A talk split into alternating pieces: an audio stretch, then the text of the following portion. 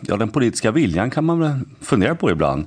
Därför att det sätts upp väldigt fina mål. Eh, men som vi ser nu när vi följer upp eh, vad som görs med de här planerna så finns det mycket övrigt att önska faktiskt. Inget av de nio länderna runt Östersjön lever upp till det man har sagt att man ska göra. Det finns flera allvarliga problem i Östersjön.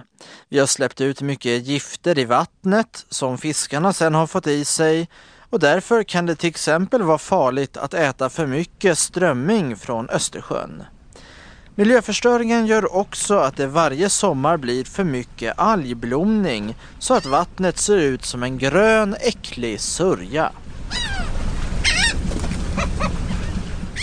De länder som ligger kring Östersjön är Sverige, Finland, Ryssland, Estland, Lettland, Litauen, Polen, Tyskland och Danmark.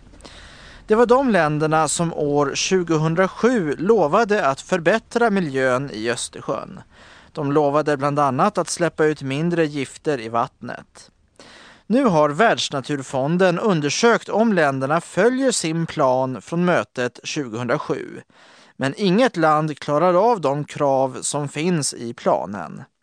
Även Sverige får kritik, säger Åsa Andersson på Världsnaturfonden. Sverige har framförallt varit väldigt dåliga på att skapa marina naturreservat till havs. Det här är områden i havet som ska vara särskilt skyddade. Vilka regler som gäller i marina naturreservat är olika i olika områden. Ofta handlar det om att förbjuda större båtar att åka där och det kan finnas särskilda regler om hur man får fiska.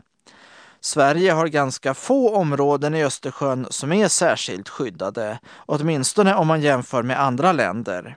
Och Sverige har idag bara skyddat ungefär 5 procent av havsmiljön, medan andra länder som Tyskland är uppe i, i kring 40 procent. Och målet var satt till att skydda 10 procent av, av eh, Östersjöns havsmiljö fram till 2010.